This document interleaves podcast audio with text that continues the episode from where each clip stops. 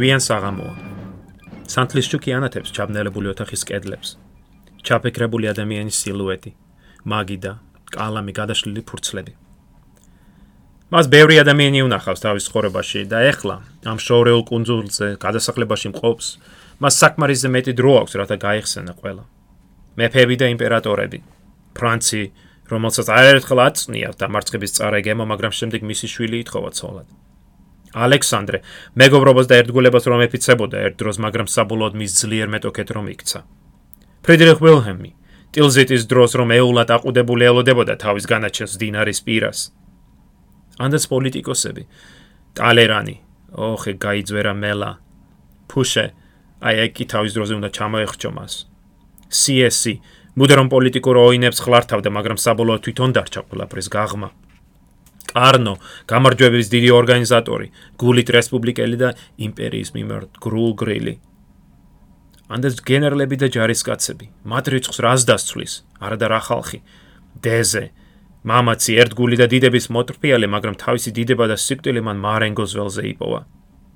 მიურატი, კავალერიის უბადლო წინამძღოლი, მაგრამ ამავე დროს კვეხარა და ორგული. ნეი, მამაც და შორის უმამაცესი, ვატერლოუს ველზე რომ სიკვდილს ეძებდა ამაოდ. ვინაიდან მას სიკვდილი ეწელა პარიზის შუაგულში, ლუქსემბურგის ბაღის ერთ ბინძურ კუთხეში. ანდაც ბებერი ბერტია. აი ეგ რომ ხოლო და ბოლო კამპანიაში იქნებ ყველაფერი სულ სხვაგვარად წარმართულიყო. სანთელი განაგზობს ნელ-ნელა წვას, ფიქრები, მოგონებები ერთმანეთს ცვლიან. ნაპოლეონს ხომ ჯერ კიდევ დასამთავრებელი აქვს თავისი ანდერძი და ბევრი ადამიანია გასახსენებელი.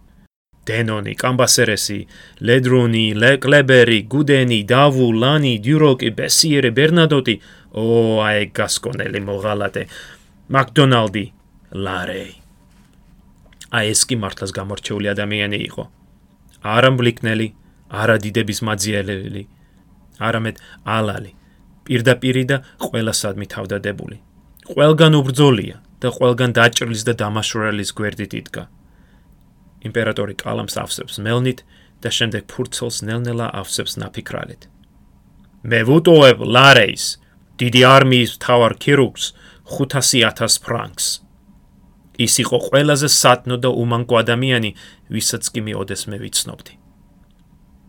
ბევრ ადამიანს იცნობდა, მაგრამ არც ერთი იყო ლარეის მსგავსი. ყველაზე სათნო და უმანკო ადამიანი. თუ მოგზაურობისა შემთხვევით აღმოჩნდებით საფრანგეთის სამხრეთ-დასავლეთ მხარეში და ქალაქ ტარბს გაევლით, არ დაიზაროთ და 935 გზატკეცილზე გადაუხვით სამხრეთით, ესპანეთის საზღვრისაკენ. მხოლოდ 25 კილომეტრში თქვენ აღმოჩნდებით პატარა სოფელ ბოდენში, რომლის ძირითად ქუჩას ჩაუყვებით მარცხენა მხარეს მდებარე მე-11 ნომრის სახლთან გაჩერდებით.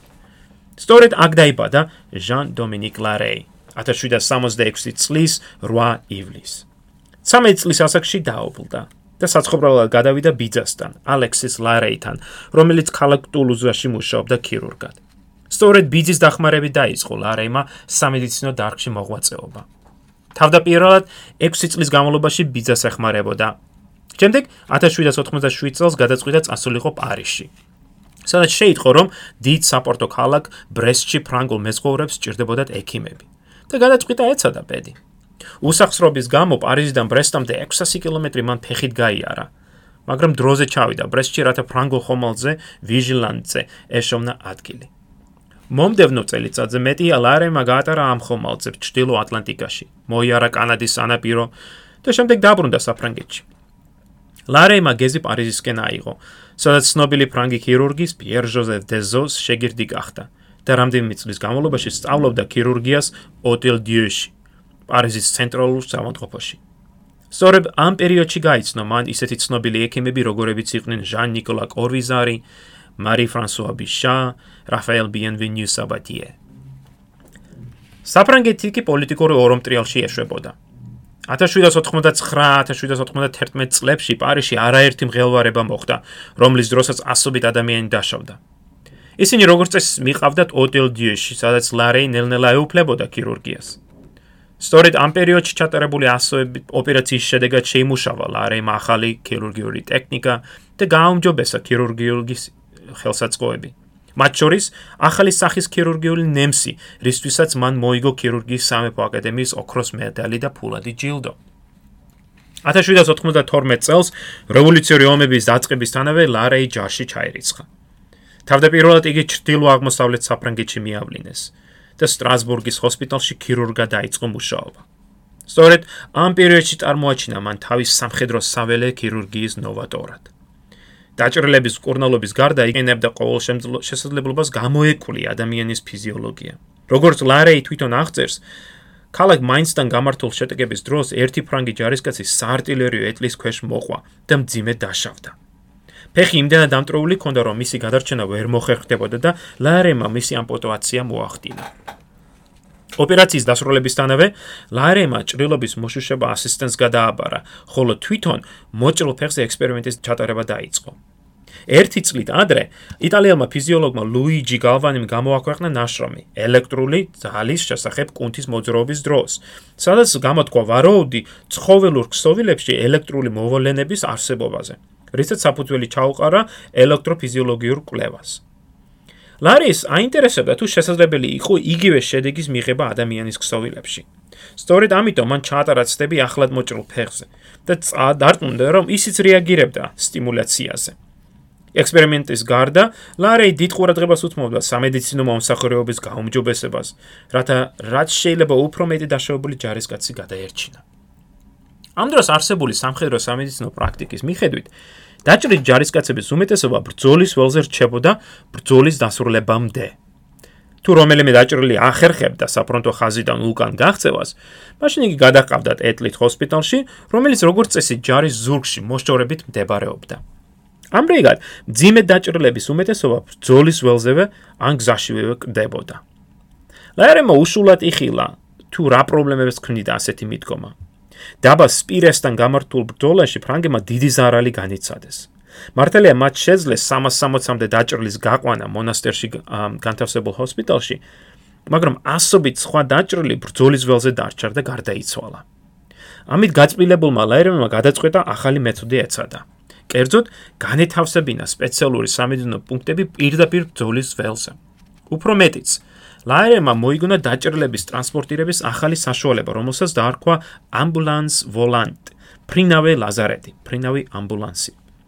ეს იყო სპეციალური ცხენებშებმული მსუბუქი ეტლი, რომელიც დაკომპლექტებული იყო სანიტრების გუნდით, რომელსაც ევალებოდა ბრძოლის დროს ბრძოლის ველზევე გასვლა, დაჭრილებისათვის პირველი სამედიცინო დახმარების გაწევა და მათი გამოყვანა ბრძოლის ველიდან საველე ჰოსპიტალებში. ლარემე ასევე მოახდინა თვით საველე ჰოსპიტალების რეორგანიზაცია. შექმნა საველე ტრიაჟის განყოფილება, სადაც ხდებოდა დაჭრილების დახარისხება მათი ჭრილობების და მდგომარეობის მიხედვით. სამწუხაროდ არსებულ სამხედრო ვითარებაში მან ვერ შეძლო ამ სისტემის სრულად ჩამოყალიბება და მხოლოდ რამდენიმე ფრინავი ლაზარეთის მეშვეობით ცდილობდა დაჭრილების გადარჩენას. 1794 წელს ლარეი გაგზავნეს ქალაქ ტულონთან მდებარე რევოლუციურ ჯარში.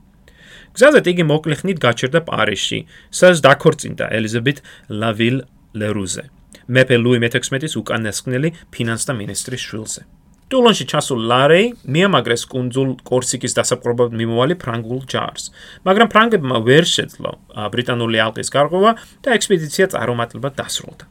მიუხედავად ამისა, მან დიდი როლი ითამაშა ამ ექსპედიციამ ლარეის ცხოვრებაში, ვინაიდან სწორედ ტულონში ლარეი შეხვდა ნაპოლეონ ბონაპარტს, რომელმაც უმალვე დააფასა ამ ექიმის დიდი ნიჭი. მომდევნო წელიწად ნახევარი ლარემა გაატარა პირენეებში, სადაც მსახურობდა ესპანეთის წინააღმდეგ მებრძოლ ბრანგულ ჯარში მთავარ ქირურგად. დაუღლელობა მუშაობამ შეარყია მისი ჯანმრთელობა და 1795 წლის აპრილში მან მოიპოვა ნებართვა წასულიყო პარიზში. დედაქალაქში ყოფნისას ლერემა გამოიყენა მიღებული გამოცდილება, რათა დაეწერა რამდენიმე საფუძვლიანი კვლევა ჭრილობების და ავონტყოფების კურნალობაზე.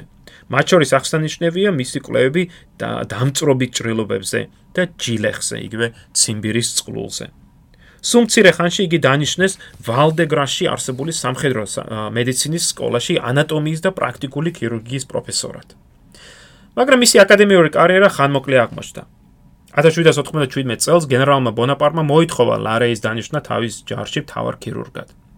სწორედ იტალიაში ბონაპარტის სრული თანადგომის შედეგად შეძლო ლარეიმა თავისი ფრინავე ლაზარეთების და მობილური ჰოსპიტალების სისტემის სრულად ჩამოყალიბება.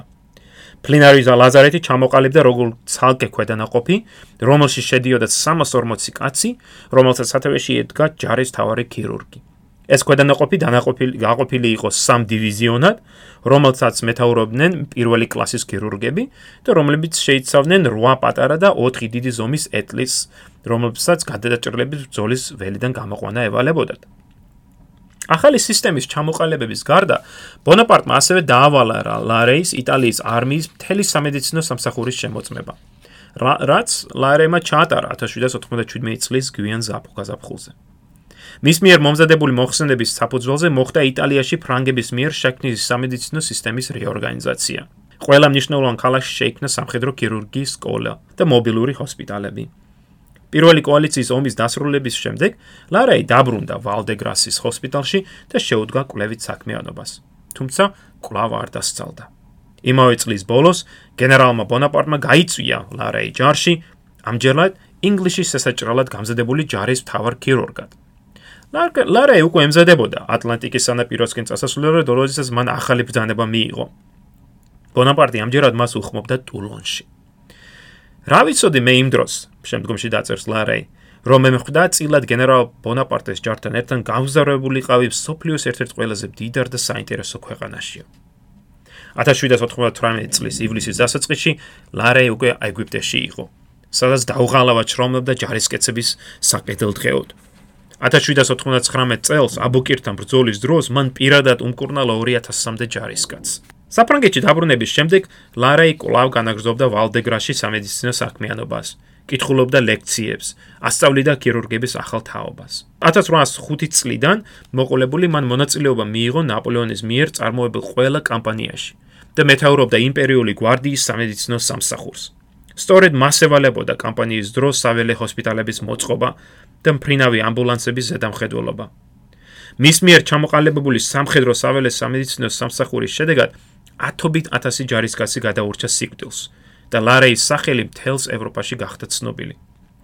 სწორედ მან შეიმუშავა ქირურგიული ოპერაციების ახალი მეთოდები და განსაკუთრებით დიდ წარმატებას მიაღწია ამპუტაციებში.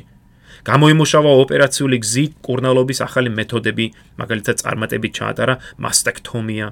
ნიშნულოვანი წვლილი შეიტანა ასტიკოთერაპიის, ანუ ჭიებით კურნალობის დარგშიც. ბრძოლების დროს ლარეი პირადად ატარებდა ოპერაციებს. რომელთა საერთო რიცხვი მრავალ ათასში აღწევს. ხოლო ბოროდინოს ბრძოლის დროს მან პირადად ჩაატარა 200-ზე მეტი ამპუტაცია. ლარაი არ აქცევდა ყურადღებას დაჭრლების წოდებას თუ ეროვნებას და ყველა დაჭრულს თავისიანს თუ მოწინააღმდეგისას თანაბრად ემსახურებოდა. 1812 წელს ქალაქ ვიტებსკთან ფრანგებმა აღმოაჩინეს 300-ზე მეტი დაჭრილი რუსი ჯარისკაცი, რომლებიც სიკვდილას პირას იყვნენ. ლარეის ბრძანებით ისინი გადაიყვანეს ფრანგულ საველე ჰოსპიტალში, სადაც მათ ფრანგი ჯარისკაცების მსგავსად გაუწიეს სამედიცინო მომსახურეობა. ბრძოლებს შორის კი ლარეი მუდამ უზიარებდა თავის ცოდნას და გამოცდილებას ახალგაზრდა ქირურგებს. მიუხედავად იმისა, ფრანგები იყვნენ ისინი თუ არა, 1812 წლის გვიან გაზაფხულზე მაგალითად რუსეთისაკენ მიმოვალ ლარეიმა რამდენიმე დღე გაატარა. ბერლინში სადაც პრუსიულ ქირურგებთან და შეხვდა და მათთვის ჩაატარა არაერთი ლექცია გაუზიარა თავისი გამოცდილება. 1812 წელს ნაპოლეონი რუსეთში შეიჭრა მაგრამ ექვსთვიანი კამპანია მარცხი დასრულდა ლარეი კლავ ბრძოლის შუაგულში იყო მონაწილეობა მიიღო ყველა დიდ ბრძოლაში და ათასობით ადამიანს უმკურნალა უკან დავიხევისას მან მოაწყო საველე ჰოსპიტალები სმოლენსკში, ვილნაში, კოვნოში. პირადად ატარებდა ოპერაციებს, ზედამხედველობდა დაჭრილთა და ავადმყოფთა ევაკუაციას. რის წყალობით უამრავი ადამიანი გადაურჩა სიკვდილს. ასეთმა შრომამ და მძიმე პირობებმა დიდად შეარყიეს მისი ჯანმრთელობა და კენიგსბერგში ჩასული ლარეი მძივე დაავადდა. რამდენიმე დღის განმავლობაში მისი გადარჩენაც ეჭვს ქვეშ იყო.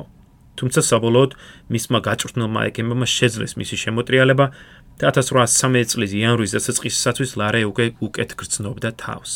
თუმცა თავის მემუარებში ის აღნიშნავს, რომ სრული გამომჯარდელებისათვის ძალიან დიდი დრო დამჭირდაო. 1813-14 წლების კამპანიების დროს ლარეი კოლავ თავკაცობდა იმპერიული გვარდიის სამედიცინო სამსახურს. კვლავ ატარებდა ასობით ოპერაციას და უამრავ ჯარისკაცს სიკვდილს არჩენდა. 1813 წლის გაზაფხულში მან რამდენიმე ახლო მეგობარიც დაკარგა, მათ შორის მიშელ დიუროკი, რომელიც ბაუცენის ბრძოლის დროს სასიკვდილოდ დაიჭრა. დიუროკის დაჭრის ცნობის მიღებისთანავე ლარეი გაეშურა მეგობრის ანახავად, მაგრამ ჭრილობა როგორც კი დაინახა, მიხვდა რომ ვერაფერს გახდებოდა. ქვემეხის ყუმბარა დიუროკს მუცლის არეში მოხვდა. გაგლიჯა მუცლის არე და ნაწლავები დაფლითა. ლარემა დიდად განიცადა დიუროკის სიკვდილი. თავის ჩანაწერებს ის აღნიშნავს. დიუროკის სახელი გენერალ დეზეს და მარშალ ლანის სახელებთან ერთად სამუდამოდ ამოტვიფრულია ჩემს გულში და მე მუდამ მემახსოვრება მათი ალალი მეგობრობაო. ლარეიც ალალი კაცი იყო. ბაუცენის ბრძოლის შემდეგ აღმოჩნდა, რომ ფრანგ ახალწეულთა ჭუჭულო დიდი რიცხვი, თითქმის 3000, დაჭრილი იყო მარჯვენა, ანუ სასროლ ხელში. მარშალმა სულტმა ბრალი დასდო ამ ჯარისკაცებს ხდალობაში და საკუთარი თავის განზრახ დაჭრაში, რათა ბრძოლისათვის აერიდა თავი. ნაპოლეონი განრისხებული იყო სულტის მოხსენებით და ჯარისკაცთა უმკაცრესად დასჯა მოითხოვა. ლარეი წინაღუდგა ამას. მან იმპერატორთან შეხვედრა მოითხოვა, რომლის დროსაც ეცადა და ერწმუნებინა ნაპოლეონი, რომ ის დიდ შეცდომას უშვებდა. ლარეი თავსდებდა, რომ ჯარისკაცები განზრახ არავნებდნენ თავიანთ თავს და რომ მათ დასჯა კი არა დახმარება სჭირდებოდათ. ნაპოლეონი დათანხმდა შეექმნა საგანგებო კომისია, რომელიც შეისწავლიდა ამ ვითარებას. კომისიამ, რომლის წევრი ლარეიც იყო, დაკითხა 2600-ზე მეტი ჯარისკაცი. შეისწავლა მათი ჭრილობები და საბოლოოდ მოამზადა მოხსენება, რომელშიც ისინი ყველა გამართლებულები იყვნენ. ნაპოლეონი მოხარული იყო ამით, მაგრამ აი მარშალ სულტი დიდად გაწმილებული დარჩა ლარეით და შემდეგში, როგორც ნახავთ, შურსაც იძიებს მასზე. 1813 წლის ოქტომბერში ლაიფციგთან გამართულ გადამწყვეტ ბრძოლაში ნაპოლეონი დამარცხდა. თავის ჩანაწერებში ლარე აღნიშნავს, რომ იგი 24 საათის განმავლობაში განუწყვეტლივ შესვენების გარეშე ატარებდა ოპერაციებს და მკურნალობდა დაჭრილ ფრანგ ჯარისკაცებს. ლარე თითქმის უკანასკნელ წუთამდე რჩებოდა ლაიფციგში და ქალაქიდან გაღწევას, რომ ცდილობდა მხოლოდ რამდენიმე წუთით დაასწრო ქალაქიდან გამომავალ ერთ-ერთი ხიდის აფეთქებას. რომელიც ერთი ფრანგი ოფიცრის დაუდევრობით მოხდა და რომლის შედეგად 10-ობით 1000 ფრანგი ჯარისკაცი ტყვე ჩავარდა. ლაიფციგიდან უკან დახეულ ნაპოლეონის მოკავშირეებმა გზა გადაუღობეს ქალაქ ჰანაუსთან. თუმცა მან სასტიკად დაამარცხა იქ ყოფი დავარეული ჯარი და საფრანგეთისაკენ გზა გაიკაფა. ამას მოყვა 1814 წლის ბრწყინვალე კამპანია, რომლის დროს ნაპოლეონის სამხედრო ნიჭი კვლავ გაბწყინდა. და ერთი კვირის განმავლობაში მან 6 ჯერ დაამარცხა მოკავშირეები. ლარემა მონაწილეობა მიიღო ყოველივე ამ ბრძოლაში. სწორედ იგი აწყობდა საველე ჰოსპიტალებს, კორნალობდა ჯარისკაცებს, ასწავლიდა ექიმების ახალ თაობას. როგორც ის აღნიშნავს თავის მემუარებში, ეს იყო მისი 24-ხე სამხედრო კამპანია. მაგრამ ომი ნაპოლეონის დამარცხებით დასრულდა. 1814 წლის აპრილში ნაპოლეონი გადადგა და კუნძულ ელბაზე წავიდა გადასახლებაში. ლარემა წარუგინა სამხედრო მინერს ვრცელი ანგარიში თავის საქმიანობის შესახებ და შემდეგ გადადგა თანამდებობიდან.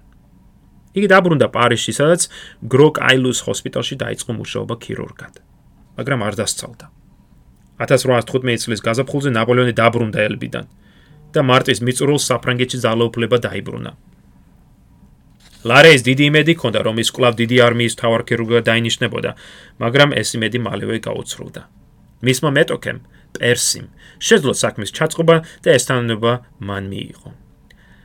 ლარეი დიდად გულგატეხილი იყო ამით, მაგრამ ნაპოლეონმა შემოუთვალა: "შენს გარეშე ვერაფერს გავხდებიო" და იმპერიული გვარდიის სამედიცინო სამსახურების უფროსობა უბოცა. იმავე წლის ივნისში ლაპარაიმა მიონაწილეობა მიიღო ვატერლოოს ბრძოლაში და კვლავ თავი გამოიჩინა თავისი მხნეობით და ვაშკაცობით. ის პირადად გადიოდა ბრძოლის ველზე დაჭრილების გამოსაყვანად. ბრიტანელი თვითმხილველის განცხადებით, ბრიტანელთა მხედართავარმა ველინგტონის ჰერცოგმა შენიშნა რა ბრძოლის ველის ერთ-ერთ მონაკვეთზე მყოფი ლარეი უბრძანა თავის არტილერიას შეეჩერებინა ცეცხლი ამ მონაკვეთზე, რათა ის არ მოეკლათ და ეცლიათ გაიყვანათ დაჭრილები. ბრძანების გაცემის შემდეგ ველინგტონმა მოიხადა კუდი და ხელი დაუქნია ბრძოლის მეორე მხარეს მყოფ ლარეის. იმარო ვისასალმები თქვენ აღმატებულებო, კითხა მას კემბრიჯის ჰერცოგმა. ღირსებისა და ერთგულების განსახიერებასო, უპასუხა ველინგტონმა. ლარეი კი ბრძოლის შუაგულში იყო. ბრიტანული კავალერიის ცნობილი შეტევის დროს ლეიტენანტ სამუელ ვეიმუთი ფრანგებს შორის აღმოჩნდა. ერთმა ფრანგმა ჯარისკაცმა დაჭრილი ვეიმუთი ცხენიდან ჩამოათრია. იარაღი დაუმიზნა და ეს ესა უნდა ესროლა, როდესაც მას გადაეღობა მეორე პიროვნება. მრავალი წლის შემდეგ ვეიმუთი იხსენებდა, რომ ეს პიროვნება ლარეი იყო. რომელიც იქვე ბრძოლის შუაგულში ფრანგ დაჭრილს ეხმარებოდა, როდესაც ეს შემთხვევა იხილა და არ უყოყმანია და მოწინააღმდეგის ჯარისკაცის გადასარჩენად გაეშურა. ლარემა სამშვიდობას გაიყვანა ვეიმუთი. გზად ინგლისურადაც გამოელაპარაკა, თუმცა უჭირდა საუბარიო აღნიშნოს ვეიმუთი და აჩვენა ბრიტანეთში დამზადებული სამედიცინო დანა, რომელსაც ლარეი იყენებდა. ვატერლოს ფრანგების დამარცხებით დასრულდა. ბრძოლის შემდეგ პრუსიელები დაედევნენ დამარცხებულ ფრანგებს. ღამით გაჩაღებულ ერთ-ერთ შედაგებაში ლარეი გაფთრებით იცავდა თავს, მაგრამ ორჯერ მძიმედ დაიჭრა და გრძნობა დაკარგა. პრუსიელებს ის ყდარი ეგონათ და იქვე გზის პირას მიატოვეს. მოგვიანებით გონსმოსულმა ლარემა ფეხით განაგრძო გზა, მაგრამ დინარე სამბრის პირას წააწყდა პრუსიელ ჯარისკაცებს, რომელმაც ჯერ სცემესიქს შემდეგ გაძარცვეს. უფრო მეტიც, პრუსიელებმა ლარეი ნაპოლეონად მიიჩნიეს. ალბათ ჩემი ნაცრისფერი ქურთუგის გამო წარეთ აღნიშნავს ლარეი თავის მემუარებში და თავიანთ ოფიცერთან წაიყვანეს. ოფიცერმა, რომელსაც ეთყობა არასოდეს ჰქონდა ნანახე ნაპოლეონის პორტრეტი, ლარეი გადაგზავნა თავის გენერალთან, შეტყობინებით რომ არიქა ნაპოლეონი ჩავიგდეთ ხელთო. გენერალს, რა თქმა უნდა, თავდაპირველად უზომოდ გაუხარდა ფრანგი იმპერატორის დატყვევების ამბის გაგონება. მაგრამ წარმოგიდგენია ალბათ რა გაწმილებული დარჩა ეს გენერალი, როდესაც მას ოთახში შემოუყვანეს ეს ბინძური გაძარცული ნაცემი ვიღაც უცნობი პიროვნება. გარესხებულმა მან ბრძანება გასცა, გაეყვანათ ლარეის სახლის უკან და დაეხრიდათ. დახრეტამდე რამდენიმე წამით ადრე, როდესაც ჯარისკაცებს ეს ასე უნდა ესრულათ, ერთმა პრუსიელმა ექიმმა, რომელიც ომამდე დაესწრო ლარეის ლექციებს, ამოიცნო ის და აცნობა თავის ზემდგომს. ლარეი დაუყოვნებლივ გაათავისუფლეს. დაუბრუნეს გაძარცული ნიფტები და წაიყვანეს პრუსიელთა მხედართავართან, კეპხარდ ბლუხერთან, რომელმაც დიდი პატივი მიაგო მას, ვინაიდან თავის ძროზე ლარეიმ სიკვდილს გადაარჩინა ბლუჰერის მძიმე დაჭრილი შვილი. საფრანგეთში დაბრუნების შემდეგ ლარეიმ განაგრძო სამედიცინო საქმიანობა. გამოსცა შესანიშნავი კვლევები სამხედრო საველე ქირურგიაზე. დაწერა ცელი მემუარები, კითხულობდა საჯარო ლექციებს. 1829 წელს ის გახდა სახელგანწმული საფრანგეთის ინსტიტუტის წევრი. მრავალი წლის განმავლობაში ლარეი მუშაობდა ინვალიდების სასახლეში, სადაც ვეტერან ჯარისკაცებს კურნალობდა. 1830-იან წლებში მან დიდი წვლილი შეიტანა სამხრეთ საფრანგეთში დაწყებული ქოლერის ეპიდემიის ამოძირკვაში.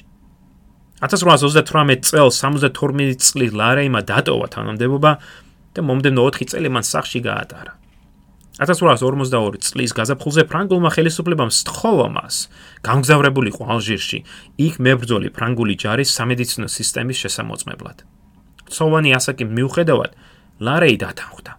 4 თვის განმავლობაში მან მოიარა ალჟირში მყოფი სამხედრო ბანაკები, გაესაუბრა ექიმების ახალ თაობას, გაუზიარა თავისი რჩევები და დარიგებები. მაგრამ ამ გზავრობამ იმდენად დაღალა და გამოფიტა ლარეი, რომ ის მძიმე დასნეულდა. ვეღარ შეძლო სახში დაბრუნება. 1842 წლის 24 ივლისს ალჟირიდან დაბრუნებისას დასუსტებული ლარეი ქალაქ ლიონში ჩავიდა, მაგრამ ვეღარ შეძლო მზავრობის გაგრძელება და მომდევნო დილით გარდაიცვალა. ლარეი სურდა დამარხულიყო ინვალიდების სასახლეში. სწორედ იმ ადგილასაც ფრანგი ჯარისკაცები იყვნენ, ჯარისკაცები რომელთვისაც ის ამდენს იღწვოდა. მასზე უფრო მეტად ვინ დაიმსახურა ეს პატივი? მაგრამ საფრანგეთის მინისტრ საბჭოს თავმჯდომარე ამ დროს იყო მარშალი სულტი. სწორედ ის სულტი, რომელსაც არ ქონდა დაიწყებული ლარეის ალალის აქციელი 1813 წელს. სულტმა უარი თქვა ნებართვის დართვაზე. ამიტომ ლარეის ხეული მიაბარეს მიწას პერლაშესის სასაფლაოზე ერთ ჩეულ კუთხეში. მისი გული კი დამარხული იქნა პატარა სამლოცველოში, ვალდეგრასის ჰოსპიტალში. სადაც ლარეი 45 წლის განმავლობაში ასწავლიდა ქირურგიას. ჰოსპიტალის ეზოში დღემდე დგას ამ გამოჩენილი ექიმის ქანდაკება, რომლის საძირკვლის 4 მხარეს აწერია იმ ცნობილი ბრძოლების სახელები, რომლებშიც ლარეიმა მიიღო მონაწილეობა: პირამიდების ბრძოლა, სომოსიერას ბრძოლა, აუსტერლიცი, ბერეზინა. ხელში კი ლარეის უჭირავს ხელნაწერი, რომელსაც ამშვენებს ნაპოლეონის სიტყვები. ყველაზე სათნო და უმანკო ადამიანი, რომელსაც მე კი ვიცნობ.